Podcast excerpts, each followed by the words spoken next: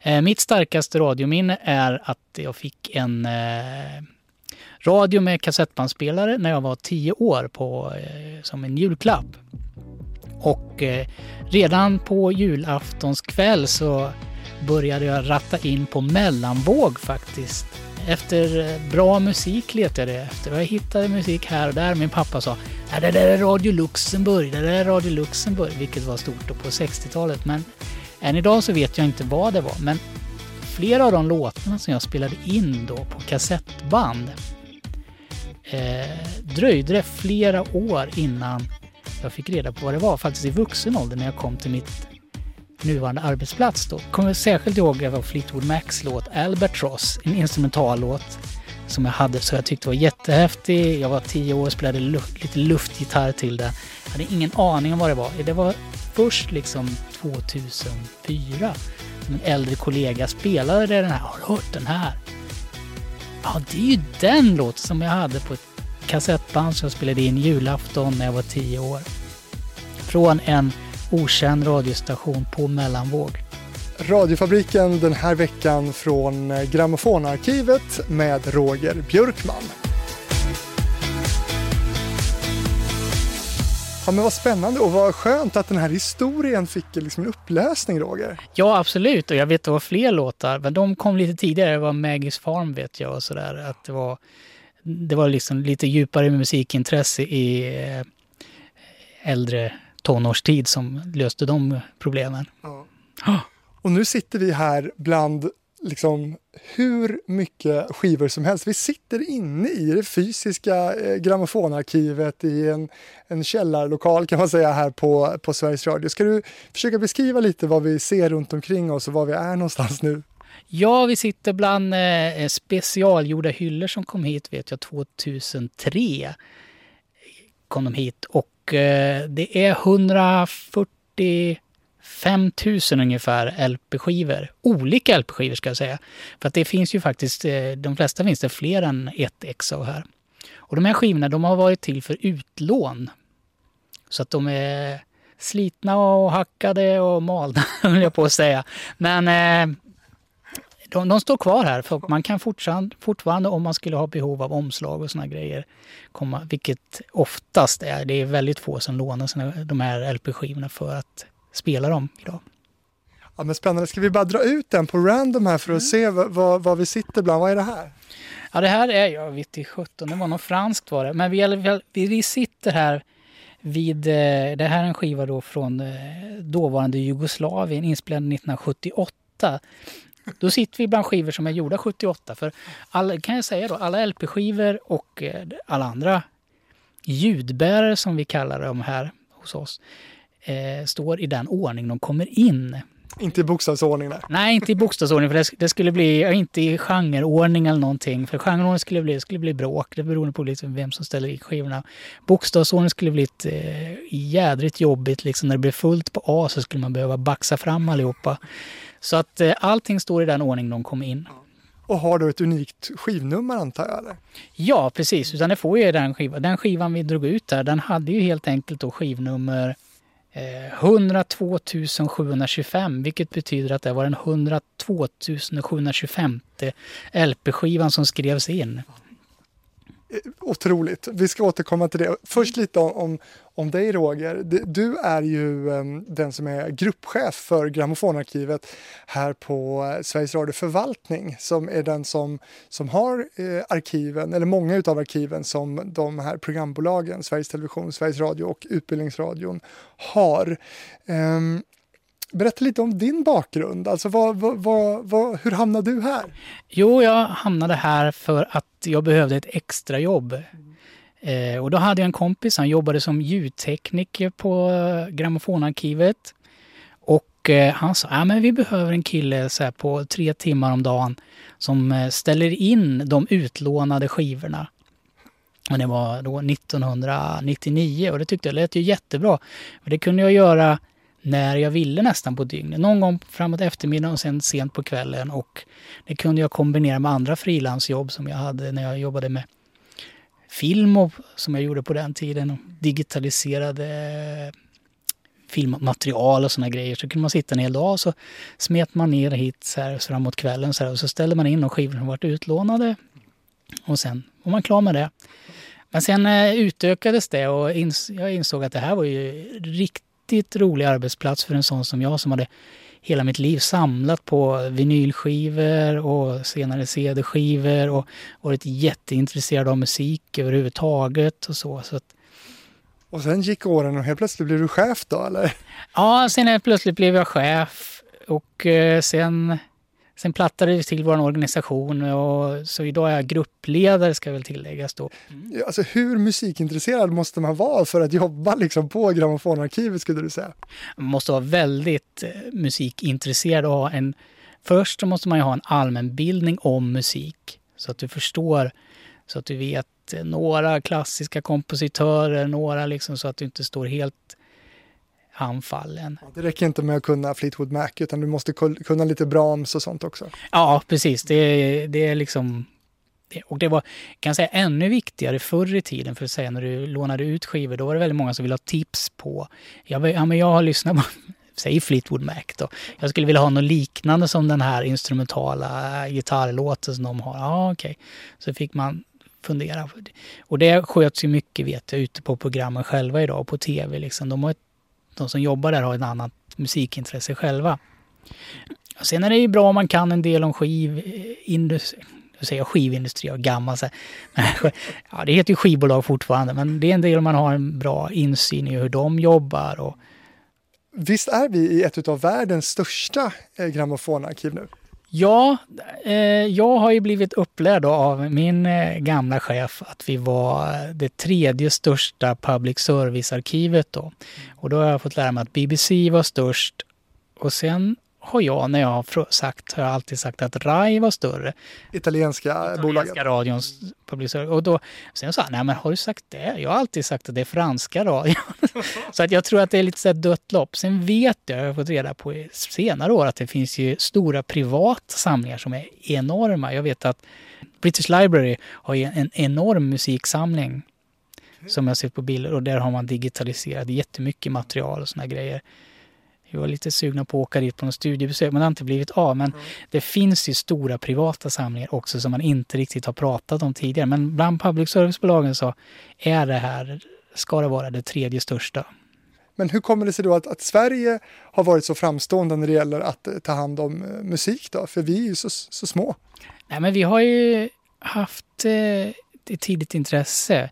Grammofonarkivet firar i år 90 30 år. 1928 brukar man säga det är som första år. Och man började eh, arkivera skivor tidigt då.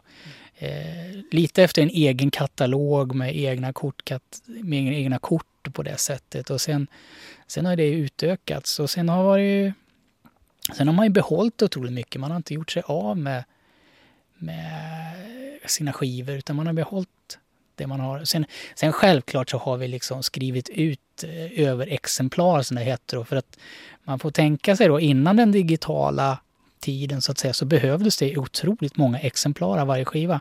Kom ABBA med en ny singel så behövdes det kanske 15-20 exemplar. För det var 15-20 personer som ville ha den här samtidigt. Och man kunde inte samsas om dem. Det enda sättet skulle varit att bandat av dem och skicka. Men det gjorde man inte utan det var liksom så här. Ja, hur många ex ska vi ha den här? Ja, 15. Ja, hur många ex ska vi ha den här franska? Ja, det var bara fyra. Mm.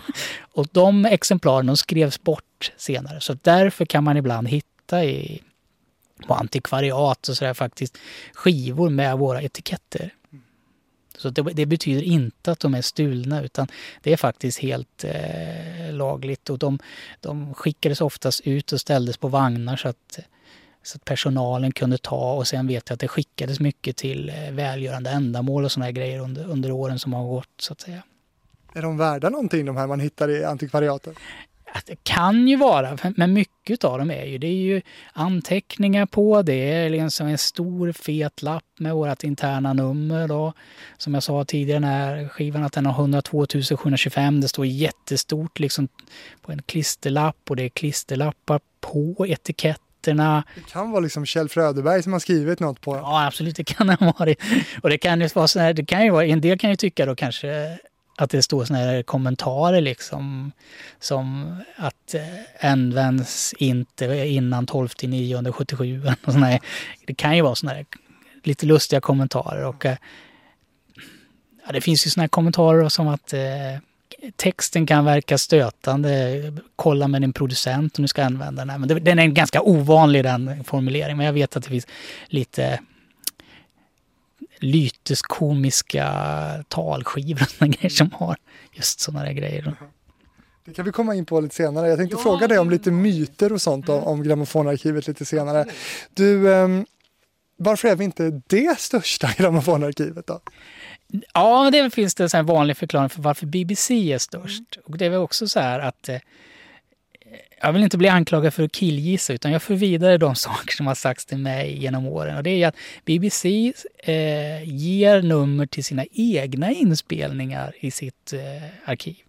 Så BBC, fusk typ? Ja, lite fusk. Det är BBC Live-sändningar då som skickades vidare till andra public service-bolag vet jag, eller återutsänds.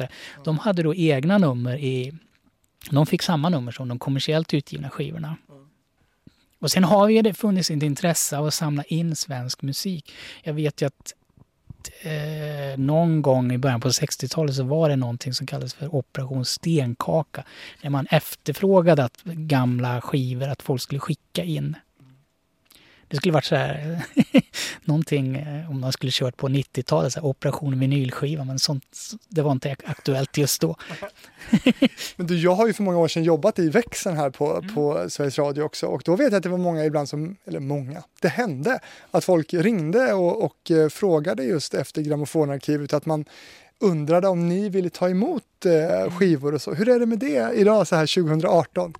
Nej, vi tar inte emot eh, donationer och det har vi inte gjort på väldigt länge. Jag vet att det fanns donationer kvar som, som jag kastade, lite, kastade något öga på liksom för 10-15 år, 10 år sedan tror jag var. Och det, det mesta är ju man kan tycka, jag har ju själv fått sådana samtal liksom där man har fått tag i ett direktnummer och ringde. Ja, jag har jättegamla skivor här efter min mormor som har gått bort. Och så, ja, då kan man alltid ge en koll liksom, så här, för, för sig då, kolla. Vad är det för någonting? Ja, men det är Kalle Jularbo och sådana grejer. Ja, men det har vi ju så att säga. Det som vi skulle sakna det är ju otroligt ovanliga saker så att säga. Det är väldigt tidiga saker då från början på, början på 1900-talet, slutet på 1800-talet kanske. Men, men vi tar, vi tar inte emot donationer för vi har ingen personal att ta hand om det. Så att det vore dumt av mig att sitta och säga ja. En, en kanske luddigt svar. Men svaret är nej, att vi inte tar emot donationer. Finns det saker som, som Grammofonarkivet faktiskt eh, liksom saknar? Sånt som ni har blivit av med eller sånt som, som ni faktiskt inte har fått in av en eller annan anledning? Ja, det, hela vår samling bygger på att eh, man skickade in skivor så att säga. Så det, det finns gott om svenska dansbandssinglar till exempel från 70-talet som jag vet att dansbanden själva tryckte upp och så hade när de åkte runt och sålde så att säga på sina spelningar och sådär. Om inte de skickade in skivan själva till, eh, till grammofonarkivet så, så har vi inte den. Och sen har vi ju, det är ju mycket eh, internationell musik som vi inte har. Från Sydamerika, Sydostasien till exempel, pop och eh, populärmusik från, och användes inte musiken så att säga så kom den ju aldrig till oss. Och det ska vi också prata lite mer om när det gäller inköp, för ni har haft, kanske har en, en inköpsavdelning som, som jobbar en del med detta. Men du, det kan ju inte ha dröjt då, som du var inne på, många år innan Radiotjänst då i barndomen förstod mm. att här måste vi göra någonting av alla de här skivor och den musik man fick in. Eh, rent historiskt då, när man bildade Grammofonarkivet, har du fått höra någonting om, om hur det var på den tiden? Hur många jobbade och, och ja, barndomen? Ja, det var, jag har hört att det var en person som jobbade här och det var hon som skrev katalogen. Och sen heter de gamla kortkatalogerna varit efter vem som har varit ansvarig för dem. Och sen var det att man började ha med sig skivor redan innan 28. Och sen blev de kvar här och så skulle de skrivas in på något fiffigt sätt. Och, så, och sen fick man... Men, men i, överhuvudtaget så kan man säga ju, ju äldre material det är, ju svårare är det att hitta så att säga hos oss.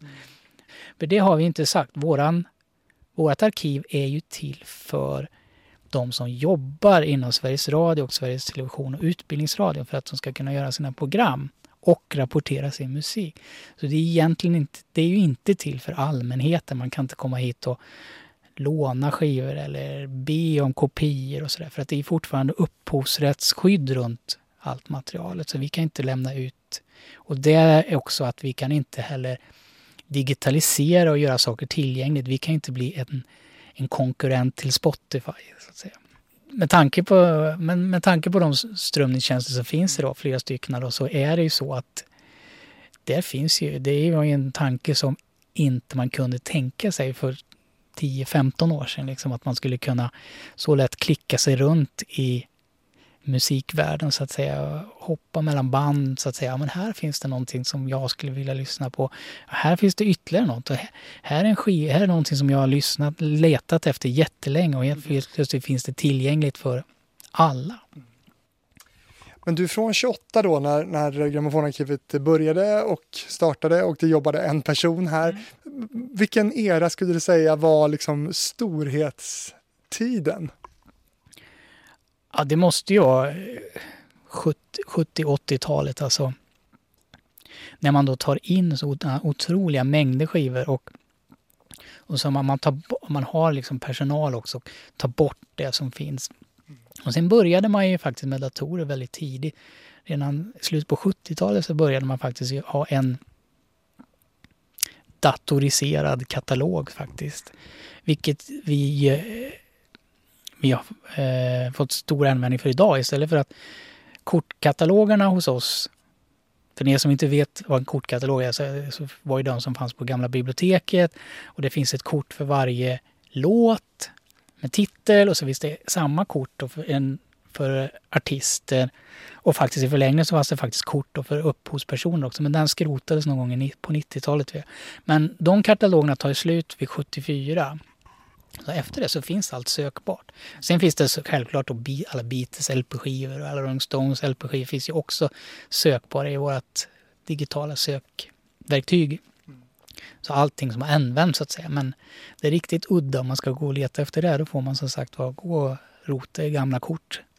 Då, är det det som gäller fortfarande, för det har man inte digitaliserat. Nej, särskilt inte då som jag sa. Det, det, det som blir riktigt gammalt och blir riktigt krångligt att hitta. Först då slår man på en titel och då kan man få ett skivbolagsnummer. Då får man gå till skivbolagskatalogen och så får man titta där på att det är en gammal, eh, gammal eh, husbondens röst, HMV.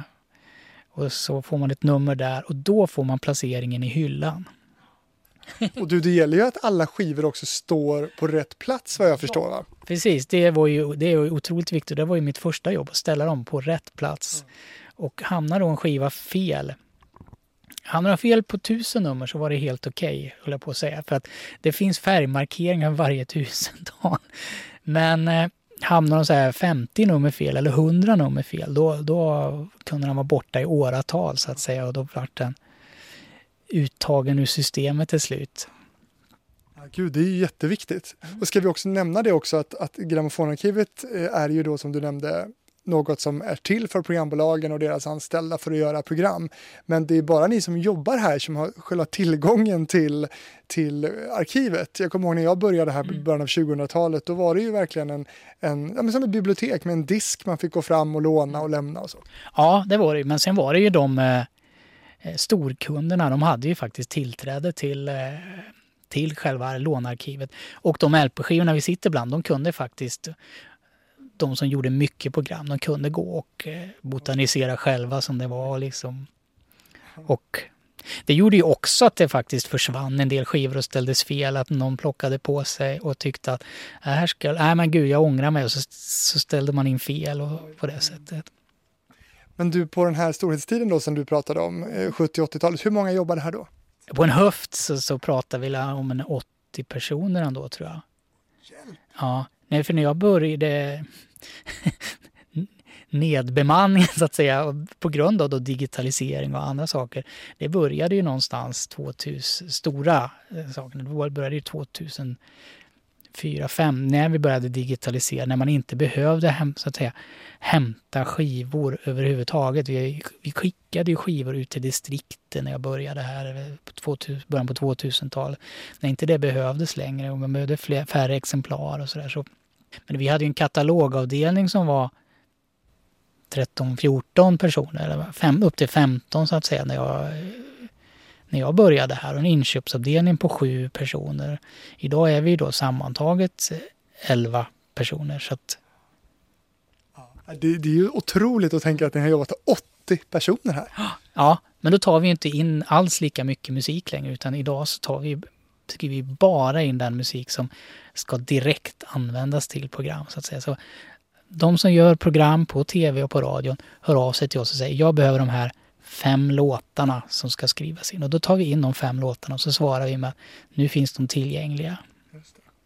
Inte på det sättet som vi arbetade tidigare. Att vi, vi fick eh, tillsänt oss eller köpte in hela skivor. En producent kunde säga jag ska göra ett program om norsk folkmusik. De här skivorna vill jag plocka spår ifrån. Och då köpte vi in kanske de här 20 skivorna. Då krävdes det otroligt mycket mer personal. Idag skulle vi sagt så här, ja, du får, du får lyssna på dem på grund av också att det finns strömningstjänster och så här. Du får lyssna på de här 20 skivorna och sen får du återkomma och säga jag vill ha de här 10 spåren från de här skivorna. Okay.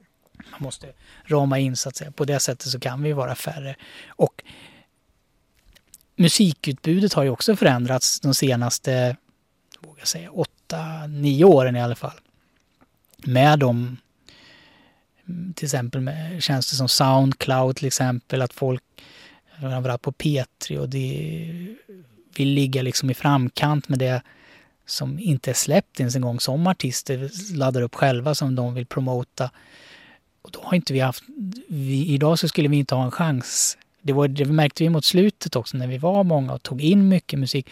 Oavsett vad vi tog in så fanns det alltid ett behov av något helt annat. Att, att vi kunde inte bevaka längre liksom, utan det var bästa, mest rationella sättet är att programmen själva kommer och säger. Alltså förut så nämnde du, då fick ni all musik skickad till er. Det var liksom ett system som, som var någon slags överenskommelse mellan er och, och skivbolagen i Sverige, eller hur funkar det? Ja, det var en överenskommelse mellan de stora aktörerna. Sen så självklart köpte vi in massa annan musik mm. från, från nätbutiker när det fanns eller började komma eh, också tidigare då så att säga från direkt från mindre skivbolag och direkt från privatpersoner som hade gjort och sen skickades det otroligt mycket skivor från mindre aktörer så att säga. Betalade ni för det eller fick ni det? Ibland betalade vi eller, och, och ibland så fick vi det tillsänt oss gratis. Mycket så här de tyckte ja men det är kul att det finns. Och det var ju på det sättet det kunde användas för det var ju liksom en en kanal in så att säga för att bli spelad i radion väldigt mycket. Sen att det kanske i vissa fall inte kanske alltid blev så. Mm. Men fanns musiken hos oss så var den ju eh, rapporteringsbar. Innan det så gick det inte att rapportera musiken utan det skulle ju ha ett nummer hos oss. Precis, det kunde önskats i Ring så spelar vi. Ja, precis, det var ju väldigt mycket det. det var, folk önskade att det kunde önskas i Ring så spelar Eller någon av de lokala eh, önskeprogrammen som, som, där vi sände musiken själva här nere. Just det. Här fanns ju liksom musiken rent fysiskt. De lokala kanalerna had, har ju haft i vissa, eh, i vissa eh, delar egna grammofonarkiv också nästan. Ja, precis. De var ju väldigt... Eh, jag tror nästan alla P4-redaktioner hade lite lokala arkiv. Det var Och de var lite... Som i Göteborg var det jättestort. Förr då så, så, fick ni all musik skickad och du, det du beskriver här om jag förstår det hela rätt så, så, funkar det inte alls så idag. Idag plockar ni bara ut vissa exemplar eller hur funkar det med musiken idag i arkivet? Ja, det är ju så, så att en, eh, någon som ska göra ett program, en person, eh, hör av sig till oss och säger jag hittar inte de här i vårt sökverktyg. Kan ni köpa in dem?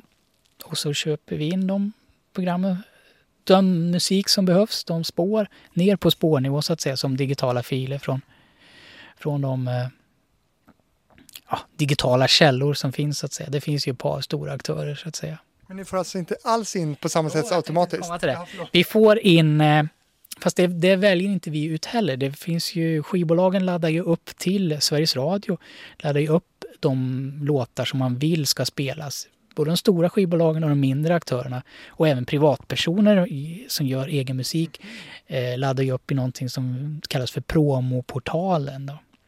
Okay. Och då sitter ju de som jobbar med musik på P3 och P4 och säger att tänker att ja, men den här låten den ska vi använda i musiklägen, den ska vi använda.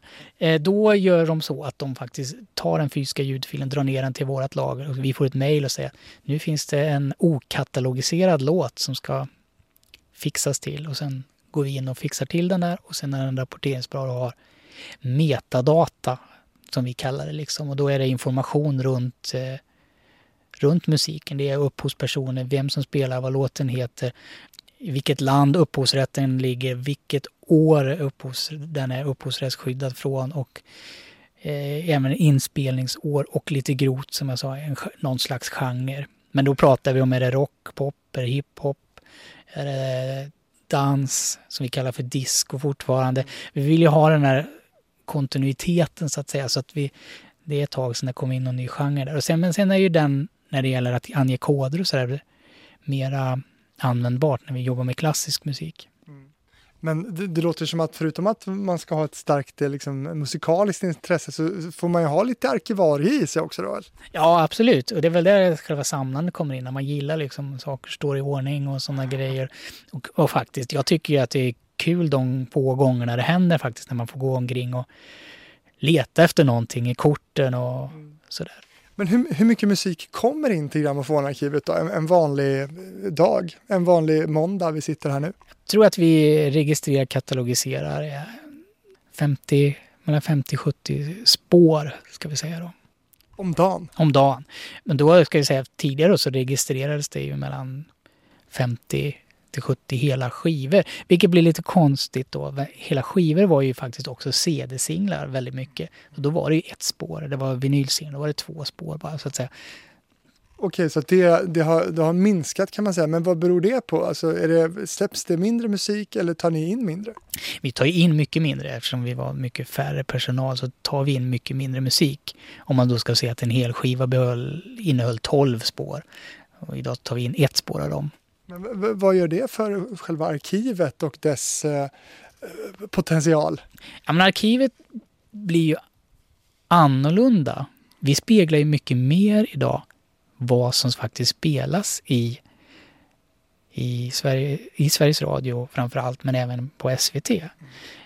Får ni in några LP eller CD-skivor idag? Ja, CD-skivor tar vi in eh, för att det finns ett behov av fysiska CD-skivor i, i P2s produktioner när de använder musik för tablåläggning till exempel. Att eh, om en stor dirigent släpper en eh, ny skiva på Deutsche Grammophon så att säga och som är en stor release från eh, för, inom den klassiska musiken.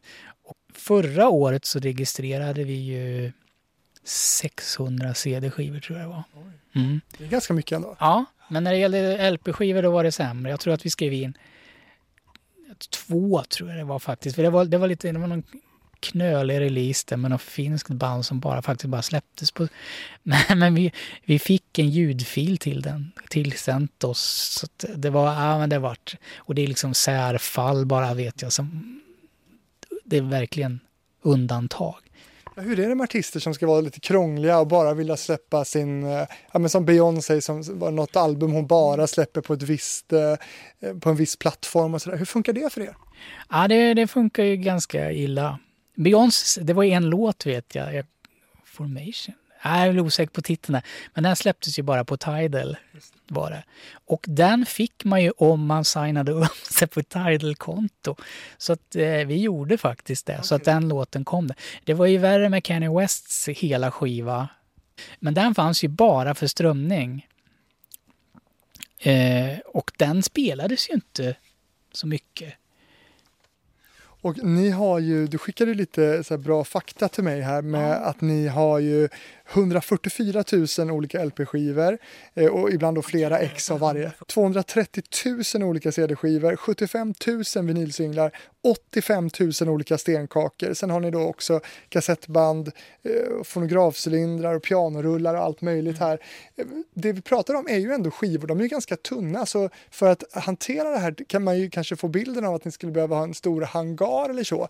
Men här inne där vi sitter bland LP-skivorna så är ju det då liksom hundratusentals. Men mm. det är ändå, det är en, två, tre, fyra, fem, sex, sju, åtta, nio, tio, elva, det är kanske 15, 20 rader här och lika många bakom mig. Det kanske är ja, runt 40-45 hyllor. Ja, precis. Nej, men jag, det var någonting som slog mig, kommer jag ihåg, när min eh, första visning var det, innan jag började jobba. Mm. Jag var så jätteförvånad. Mm. Jag trodde det skulle vara enormt. Ja. Och sen bara, men gud, jag var riktigt besviken, kommer jag ihåg. Liksom. Men det är faktiskt, för LP-skivor tar inte så mycket plats. Eller hemma tycker man att de gör det. Jag vet att man kollar jämföra hemma. Jag har ju sett 2000 vinylskivor hemma, LP. Okej. Okay. tycker inte bara jag att de tar ganska mycket plats. Men så jämför man det hemma. Ja, men det är bara, det är bara två hyllsektioner här liksom. Och så men herregud, 2000 hemma alltså? Ja, det var Du lyssnar du mycket på vinyl? Nej, jag gör inte det. Faktiskt, jag, jag lyssnar på strömmad musik som alla andra. Men det, det, är lite så här, för att försöka ha i huvudet ibland så måste jag bläddra så här. Ja men just det, den där skivan skulle jag vilja lyssna på. Och sen så använder jag telefonen och lyssnar på den i alla fall sen. För att det blir alltid... Det är, men jag har ju fungerande anläggning i alla fall. En förstärkare och grammofon och sådär. Så ibland så brukar jag faktiskt göra vad är den största liksom, rariteten i arkivet, skulle du säga? Det jag tycker är den största rariteten, det är ju det äldre materialet faktiskt. Det är ju liksom de här riktigt tidiga eh, små skivorna vi har från slutet av 1800-talet. Fonografslindrarna. det är där rariteterna finns, tycker jag, i ett historiskt perspektiv. Sen såklart det finns udda utgåvor och eh, det finns värdefulla skivor där. Även om, om jag som skivsamlare kan inte riktigt förstå varför man skulle vilja ha skivor med våra etiketter och våra nummer på liksom och kladdat och grejat liksom. Men finns det guldkorn här som till exempel inte finns att få tag på på marknaden som kanske inte är släppt i några större upplagor och så? Ja, det finns ju så här, men det är ju man är inne på en riktig nördnivå att det, det finns ju gott och så här promoutgåvor och såna grejer, promosinglar och singlar som, jag vet att man sa att man, nej, vi tog egentligen inte ut, tog emot promotionmaterial liksom innan något visst år, men jag, jag har hittat så här vinylsinglar där det står OBS promo exemplar utlånat av skivbolag och såna här grejer. Så att, sånt finns ju här. Sen finns det ju då ett exemplar till som bara varit för eh, vårt interna bruk, det vi kallar då för eh, referens-X som inte ska ha varit ute för utlån och inte ska ha hanterats av låntagare utan bara av ljudtekniker och de som har jobbat i arkivet. De är riktigt fina. De är riktigt fina och där finns det ju skivor som i stort sett nästan är ospelade vet jag. Man plockar ut någon ibland och så, är det så de är från 78 och helt kanske ska säga det också, du som är nyfiken på hur det ser ut här så ska Roger ta med oss på en liten rundvandring också för dig som vill se det rent eh, okulärt. Eh, Facebook går man in på, söker på Radiofabriken, där ligger extra materialet ute redan nu. Hur länge håller en LP då? Ja, den ska väl hålla eh, för evigt vet jag inte vad jag säger, men de håller ju otroligt länge så att säga. Det är ju inget fel på de som är från 50 tidigt 50-tal är det inte. De, de, är, de är gjorda av ett hårdare material och sådär. Men det är värre med CD-skivor och på det sättet. Där har det varit fabrikationsfel från vissa presserier till exempel. Det finns en skandal som många råkade ut för. Det var ett presseri i England som hette PDO om jag inte minns fel. Jag vet att vi i arkivet hade i runda slänga 2-3 tusen skivor från dem. Och eh, vi kallade det för att de ruttnade, men det var egentligen att överskiktet på CD-skivan reagerade med pappret i konvolutet. Så att det blev en bronsering på dem och det hördes att det, det gav ett extra brus på de här skivorna. Men förutom dem då, alltså hur, hur länge håller en CD-skiva då? Vet man det idag? Det är lite olika. Till. De pressade skivorna då som man köpte eller köper fortfarande, de ska väl hålla i, jag vet inte om man garanterar 50 år egentligen är det väl bara. Men jag tror att de håller väl längre. Däremot sen CD, CDR-skivor som man brände själv är ju beroende på kvalitet. Det har vi ju märkt en del grejer som vi har bränt av och ja, vi, kanske det kanske saknades ett extra exemplar och så brände vi av en kopia och ställde in i arkivet som, man, som låntagarna skulle ha kunna låna. De skivorna blev vi förstörda efter, redan efter 5-10 år. Mm. Du, det här är ju liksom ett arkiv. Finns det några andra saker som är viktigt här inne? Jag tänker på sådana saker som temperatur och sånt. Ja, det skulle väl vara så. Jag vet att när vi gick igenom, när vi gick till det här rummet så gick jag och du igenom eh, rummet där de äldsta inspelningarna, och där finns det ju eh, kylaggregat och såna grejer, så där är ju temperaturen kall. Här i det här rummet så är det väl en mera behaglig temperatur där vinylskivorna står. Den är inte skadlig, men den kanske skulle egentligen vara några, några grader kallare egentligen för att de skulle må helt bra. Så hur mycket är då digitaliserat idag av grammofonarkivet? Ja, det är ju alla de 230 000 CD-skivorna plus de 50-60 000 ljudfiler vi har köpt in då. Plus det, det är väl ett par tusen vinylskivor i alla fall vi har hunnit med att göra. Och jag tror att det är, rör sig om 3-4 tusen vinylsinglar. Lite färre då på... Sen kan man ju faktiskt lyssna på alla, inte alla, hälften av alla fonografcylindrar faktiskt. För de digitaliserades faktiskt först någon gång 2003, så det var ett projekt vi körde. För de som inte vet vad det är, beskriv. Fonografcylindrar som är det var ett sätt som Edison hittade på att lagra ljud på. Och man kan tänka sig att det är en skiva fast, hur ska man säga, som en cylinder. Spåren är då rund, den ser ut som en toarulle. Jag kanske kommer lägga upp en bild på en sen. Vi får göra det tror jag. Ja, den ser ut som en toarulle med spår på. Mm. Och de användes då från 1800, slutet på 1880-talet fram till 1920-talet tror jag. Då och insåg väl redan, till och med Edison tror jag, liksom, att det där var hopplöst. Organisatoriskt då Roger så, så tillhör ni då det, det koncerngemensamma bolaget SRF, Sveriges Radio Förvaltning, som samägs av programbolagen SVT, SR, UR. Eh, ni ägs alltså av era nyttjare då kan man säga av, av de här arkiven. Och förr var ju ni också någon slags produktionsbolag också. Ni hade radiostudio och sånt. Ni hyrde ut teknik till exempelvis till Melodikrysset och så vidare. Mm. Gör ni det fortfarande? Nej, det gör vi inte. Utan det är, vi gjorde ju program, för vi hade en egen studio här nere hos oss. Och, eh, Vad var bakgrunden till det? För det var ju 1996 så blev ju då, bildades då Sveriges Radios förvaltning. Och då var det vissa delar som hade då tillhört Sveriges Radio, vissa delar hade tillhört Sveriges Television. Där man tyckte att de skulle ha en koncerngemensam funktion, som det hette. Mm. Och då hade det gjorts program här nere och då fortsatte vissa program att göra här nere. Men liksom vi har mycket musik i våra program. Vi, har, vi hade bra ljudtekniker här nere som de hade jobbat med tidigare. Och sen var det det här att till och önskeprogrammen, framförallt då Ring så spelar vi, så sändes ju musiken från grammofonarkivet. Även om programmet sändes Resten av programmet sändes då från Göteborg ett tag och sen från eh, Växjö och kombinerat Göteborg-Växjö varje tag varannan vecka. Och sen var det bara Växjö och det var ju fram till tror faktiskt det var fram till 2013, eller 14 till och med, som vi faktiskt fortfarande spelade de fysiska skivorna i deras program. För de var lite rädda för att, ja men tänk om någon önskar vinylmaterial som inte vi har och så så, så kommer inte vi kunna spela det och så. Då blir det röd lampa från grammofonarkivet. Ja, det blir en röd lampa från grammofonarkivet. Problemet var bara att det var väldigt många som önskade ny musik som vi bara hade på ljudfil och då var det så här, då, kunde inte, då spelade ju inte vi dem i alla fall utan då gick det ju fortare att de i Växjö själva spelade de där låtarna. Så det var, det var så illa vet jag ibland att man kunde sitta här och man kanske spelade fyra, fem låtar under en, två och en halv timme sändning och det var inte hållbart.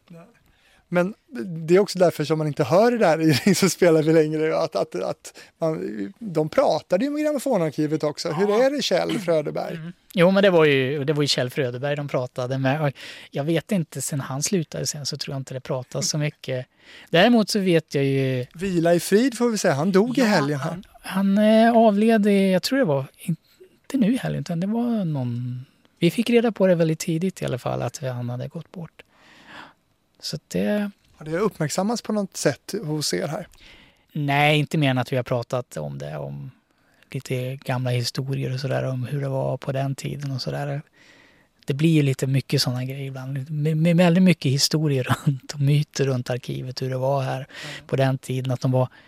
När Kjell Fröderberg jobbade med Ring så spelade vi, då var de, de kunde vara upp till fyra personer som letade. Att eh, de satt med intern komradio, att någon satt ute vid gamla kortregistret och, och han styrde det så att säga och han fick prata och jag vill inte avslöja mer.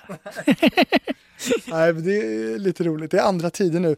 Men du, vem är det då egentligen som äger de här skivorna? För det kommer jag ihåg också för något år sedan att det var lite så här tal om att det visste man inte riktigt. Hur är det med det? Nej, det var lite så här, det var ett reportage i eh, magasinprogrammet Sverige vet jag. Tina Tunander var det som var här och pratade och intervjuade. Men det ägs ju koncerngemensamt av, av public service-bolagen och sen förvaltar ju då Sveriges Radio förvaltning den här samlingen. Men äger de lika stora delar? Nej, det gör de inte. Det, det speglar väl liksom hur, hur stor, stora delar som äger SRF. Så ägs vi av nyttjarna och nytt, de är våra kunder. Mm. Vilket är ett lite udda sätt att organisera sig. Det måste vara väldigt speciellt. Ja, det är det. det, är liksom, det finns ju en, en intressekonflikt där.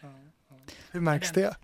Vid besparingstider så att säga så vill ju ledningen från de olika bolagen. Om de vill spara pengar och så sitter det användare som gör program och så, så vill de ha mer tjänster av oss. Ja, konstigt. Det, har, det har funkat bra hittills. Ja. Men du, hur ser det ut framåt då? Alltså, ni eh, har ju sjunkit i antalet anställda till 11 då från en storhetstid på 80 anställda. Alltså, hur, hur skulle du liksom sia framåt för, för Grammofonarkivets del? Vad, vad är er roll i framtiden? Ja, det är ju att ta hand om eh, metadatan runt musik. Och det behöver nödvändigtvis inte bara vara musik som vi har lagrat utan det gör, rör sig då, det gör vi redan om metadata runt musik som vi inte ens har lagrat, som vi inte sparar. Utan musik då de används på, på SVT till exempel, så här produktionsmusik som tjänster som de använder så att säga, som inte vi är i närheten av. Hur skyddat skulle du säga att det här arkivet är då med, med all den musikhistoria och kultur som finns i, i väggarna här?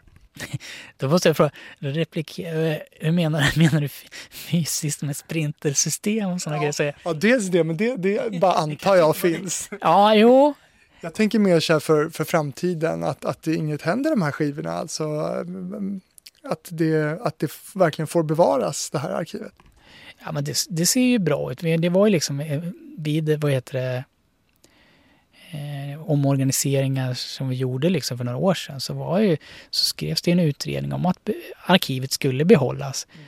Sen såklart så är det ju att, att vi då ska sitta och husa flera exemplar av varje skiva. Det kan man ju kanske om det skulle behövas liksom den yta som vi har här. Men det har inte, jag tror inte det.